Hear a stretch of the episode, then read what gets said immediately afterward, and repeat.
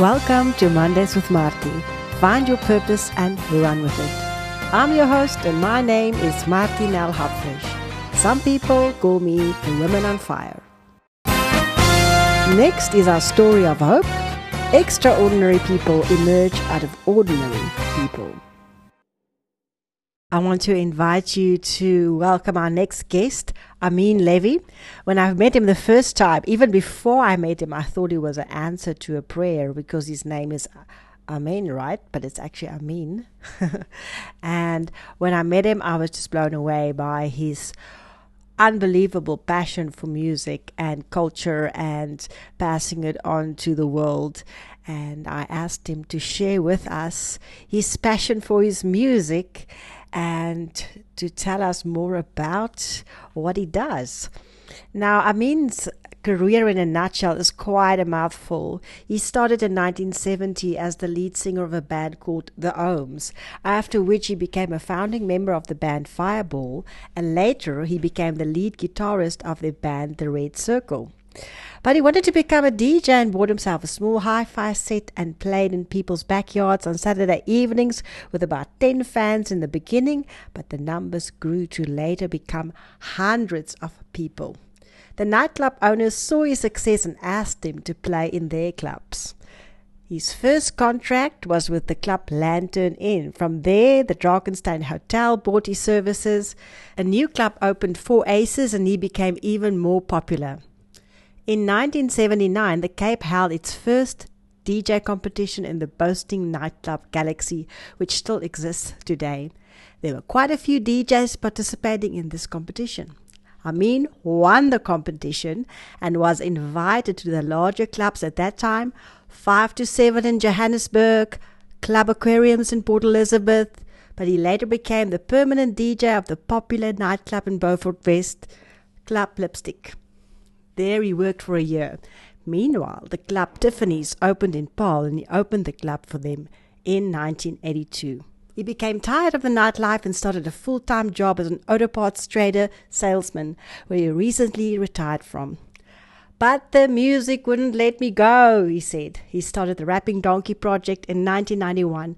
On his first CD, he had the hit song that made him well known, Ons slaap vanaand by Heidi. Another nine CDs followed. In 2002, he was offered a three hour music program on Radio KC. The program became so popular that he ended up on the very popular Afrikaans comedy host program, Markelas, and also appeared on Kyknet's Kollig program, as well as ETV's Musiek Musiek program, and he was even featured on SABC News. Ameen is now retired and writing a book about his life, A Son of Levi. He's working on finishing another music album.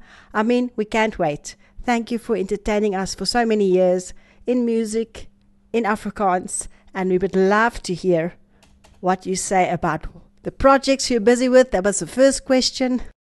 What's the best part of what you do? What is the most challenging part of what you do? And what are you still hoping to achieve in the future? Marty, on the first question, I'm busy putting together a new CD. On your second question, arranging all the songs for the album. On your third question, to complete the book on my life.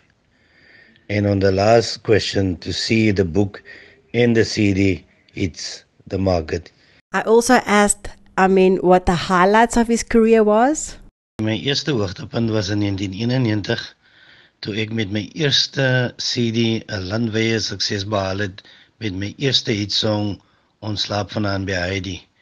Tweede een was toe ek in 2017 bekroon is met 'n legendary award deur Global Talent Search en die derde een toe ek in 2019 'n eretoekenning ontvang het by die Dagnetwerk vir my lewensbydra tot kreatiewe musiekontwikkeling in Suid-Afrika. Wat ek graag sou wil sien, ek sal graag wil sien dat meer van ons brein en swart kunstenaars meer in Afrikaans moet sing, want daar is hoop talent onder ons almal. Ek sit met 'n boek van die FHK met 745 Afrikaanse liedjies in wat se musiek vir elke liedjie geskryf is.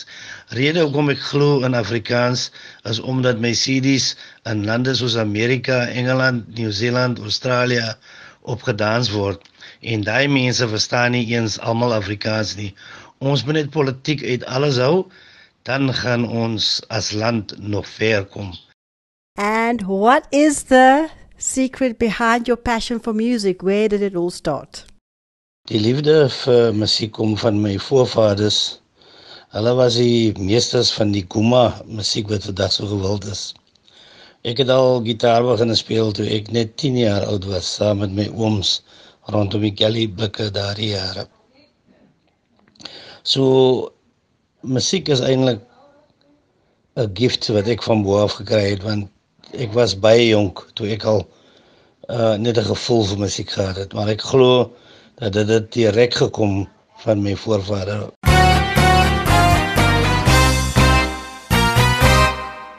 Just to recap, if you want to get hold of Ameen Levy, the rapping donkey, this is the way to do it. You can find his music and how to order CDs or his book that we're waiting for. Maybe you can pre order it from www.rappindonkey.co.za. And I'll spell that for you. It's www.rappindo.co.za. Rappin Donkey, that's Ameen Levy. If you are interested in purchasing some of his music and pre order his book. Thank you for joining us for this edition of Mondays with Marty. Find your purpose and run with it. You can follow me on Instagram, Women on Fire, YouTube, and Spotify. Martinel Hapfish Music. Or just Marty, Women on Fire.